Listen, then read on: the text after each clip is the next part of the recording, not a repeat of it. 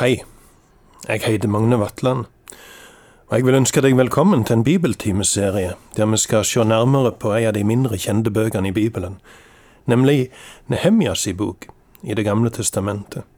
Denne boka forteller om gjenoppbygginga av murene rundt Jerusalem, etter at de hadde blitt ødelagt av babelkongen Nebukaneser. Nehemja-boka er lite framme på møter og gudstjenester, men hun har like fullt viktige ting å si oss, og vi gjør vel i å studere henne. Boka gir oss for det første verdifull historiske kunnskap om et litt ukjente faser i Israels historie. Og for det andre gir hun oss et veldig tydelig eksempel på godt kristent lederskap. Vi kan òg si at hun er et tankevekkende og tidløst bilde på ei åndelig gjenoppbygging. Og dessuten kan vi si at denne boka på noen interessante måter peker fram imot Jesus. For å forstå det vi leser i Det gamle testamentet, er det viktig å kjenne litt til geografien i Midtøsten. Hvis vi ser på et kart over Midtøsten, kan vi trekke en bue ifra Nildalen i Egypt, nordøstover gjennom Israel og Syria, og videre østover til Mesopotamia, som betyr landet mellom elvene. Denne buen har lenge vært kalt Den fruktbare halvmåne. På nær sagt alle kanter er det gold ødemark, men i Egypt og i Mesopotamia finnes det elver som ga sikker vannforsyning. I Egypt er det Nilen, og i Mesopotamia er det Eufrat og Tigris. Vann fra disse elvene sikra gode jordbruksavlinger, og dette igjen la grunnlaget for stor befolkning, og for rikdom, med handel med den maten som folk ikke trang sjøl. Rikdom og stor befolkning gjorde at det vokste fram store riker i Egypt, og i Mesopotamia, med store militærmakt og høyt utvikla kultur. Gjennom mange hundre år knivte Egypt og rigene i Mesopotamia om makta, og stadig var hærer på marsj ifra øst imot vest, eller ifra vest imot øst. Veien for disse hærene gikk gjennom Israel, og mange ganger ble store slag utkjempa på Israelsletta, nord i Israel. Denne plasseringa har gjort at Israel stadig har vært mellom borken og veden. Hvem skulle de holde med? Skulle de vende seg imot øst eller vest? Profetene advarte imot å knytte allianser med supermaktene. Gud har lovt å ta seg av dere. Han skal stride for dere.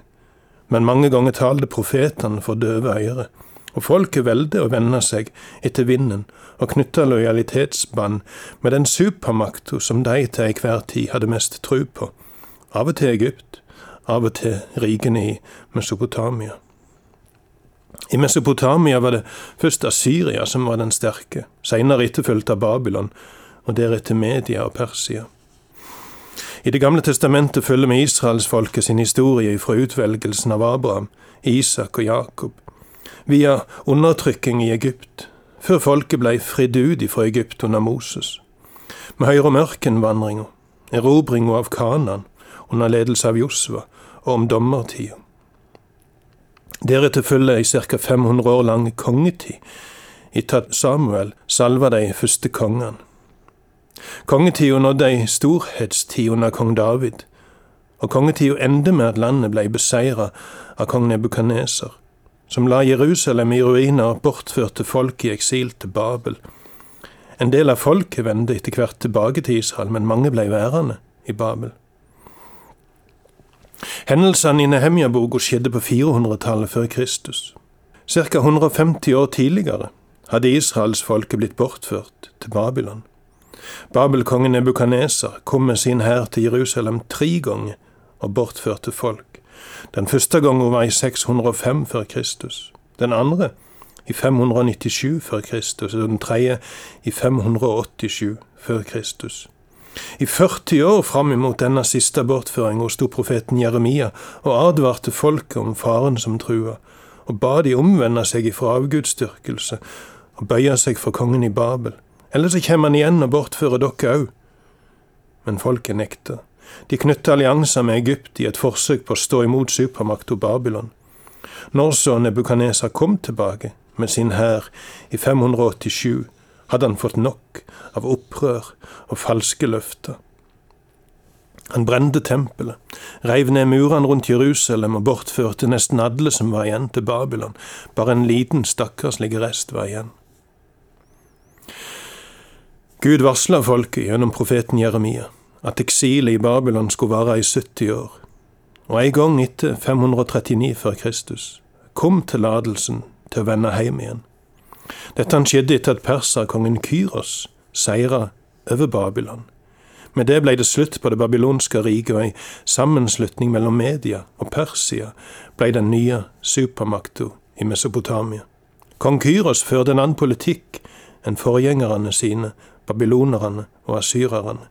Og folk som hadde blitt bortført fra heimlandene sine, fikk nå vende tilbake, og fikk hjelp til å bygge opp igjen templene sine.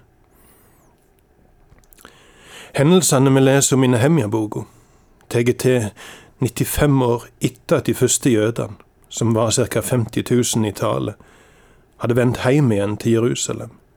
Mange hadde imidlertid blitt buende i Babylon. Folket hadde blomstra der, og mange valgte å bli værende i gode kår i Babylon, framfor å vende tilbake til ruinene i Israel. Nehemja var en av de som var igjen i Babel. Han hadde nok sjøl aldri vært i Israel, men han kjente en sterk omsorg for landet og folket. Denne omsorgen kommer klart til uttrykk når han får sjanse til å høre nytt fra Jerusalem. Vi kan lese om dette i Nehemja kapittel 1. Ord av Nehemja, sønn av Hakalja. Det var i måneden Kislev, i det tjuende året, mens jeg var i borgens husa. Da kom Hanani, en av brødrene mine, og noen menn fra Juda. Jeg spurte dem ut om de judeerne som hadde sluppet unna fangenskapet, og om Jerusalem. De svarte, De som har sluppet unna fangenskapet der i provinsen, er i stor ulykke og vanære. Muren rundt Jerusalem er brutt ned, og portene er brent opp. Da jeg hørte dette, satte jeg meg ned og gråt. Jeg sørget i flere dager. Jeg fastet og ba til himmelens Gud.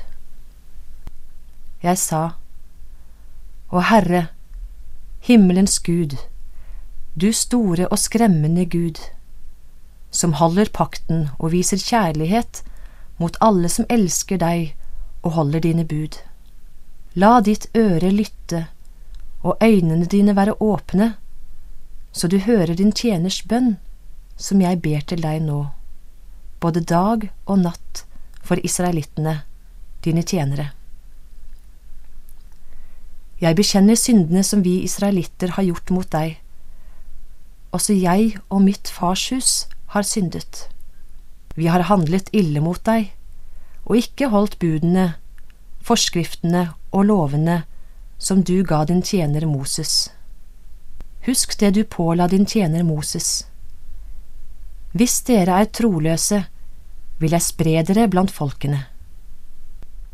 Men hvis dere vender om til meg og holder budene mine og lever etter dem, om dere så er drevet bort til himmelens grense, skal jeg samle dere derfra og bringe dere til det stedet som jeg har valgt til bolig for mitt navn.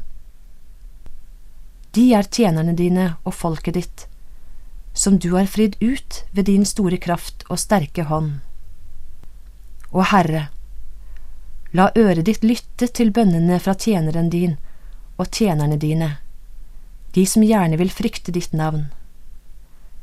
La tjeneren din lykkes i dag, la ham finne barmhjertighet hos denne mannen.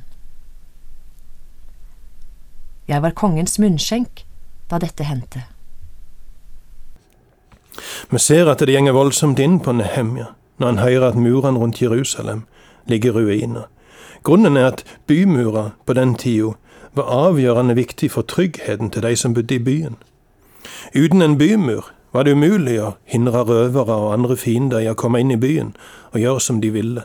Byen var med andre ord forsvarsløs, og folket der var i en veldig sårbar situasjon. Denne fryktelige situasjonen er det som driver Nehemja inn i bønn og faste, og legg merke til hvordan han forankrer bønna si i Guds vesen og Guds løfter. Når du leser bønna hans her i Nehemja kapittel 1, ser du at han understreker at Gud er en Gud som er trufast imot pakten sin. At Gud viser kjærlighet imot alle som elsker han og holder hans bud. Han minner Gud om at han ber for Guds folk, som Gud sjøl med si sterke hånd hadde fridd ut ifra fangenskap i Babel. De er ditt folk, Gud. Vi som er foreldre, kan skjønne krafta i denne appellen. Vi vil sikkert hjelpe hvis noen roper på oss, ber oss komme og hjelpe en guttunge som har ramla på sykkel, men det gjør noe helt spesielt med oss hvis de tilføyer det er visst gutten din som har ramla. Sånn gjorde Nehemja da han ba, de er ditt folk, Gud, og dermed appellerer han til Guds fars hjerte, og til Guds trufasthet imot de som han har lovt å ta seg av. Måten Hemja ber på, har veldig klare likhetstrekk med måten Moses ber for israelsfolket, etter at de hadde dansa rundt gullkalven. Hos Moses finner vi òg en klar appell til Gud om å berge folket for Guds egen æras skyld, så ikke israelsfolket si ulykke skulle føre til at hedningefolk spotta Gud og sa at han ikke makta å verne sine egne. Denne samme appellen ser vi under overflata i Nehemjas i bønn òg. En annen ting vi kan merke oss, er hvordan Nehemja bekjenner folkets synd. Nehemja framstår gjennom hele denne boka som en gudfryktig og rettskaffen mann. Likevel sier han me når han bekjenner folkets synd. Vi har synda. Vi har handla ille mot deg og ikke holdt dine bud. Han identifiserer seg med et syndig folk. Han tar på seg synda deres og bekjenner den som si eier. Dette han peker fram imot Jesus, han som sjøl var fullstendig uskyldig, men tok på seg hver oss i synd, mi og di synd, og som gjeng i forbønn for oss. Nehemjas i bønn stender her som et forbilde for oss, og vår forbønnstjeneste for Norge og det norske folket. Ber vi for landet vårt? Smerter dere å tenke på alle tragiske skjebner, alle knuste hjerter, alle ødelagte heimene i folket vårt? Roper vi til Gud i djup nød for de som vokser opp og ikke kjenner sin far i himmelen? Og når vi ber, forankrer vi da bønnen vår i vår egen inderlighet, våre egne velvalgte ord, eller i Guds kjærlighet og Guds vesen og Guds løfter, og i omsorg for hans egen navn og hans egen ære.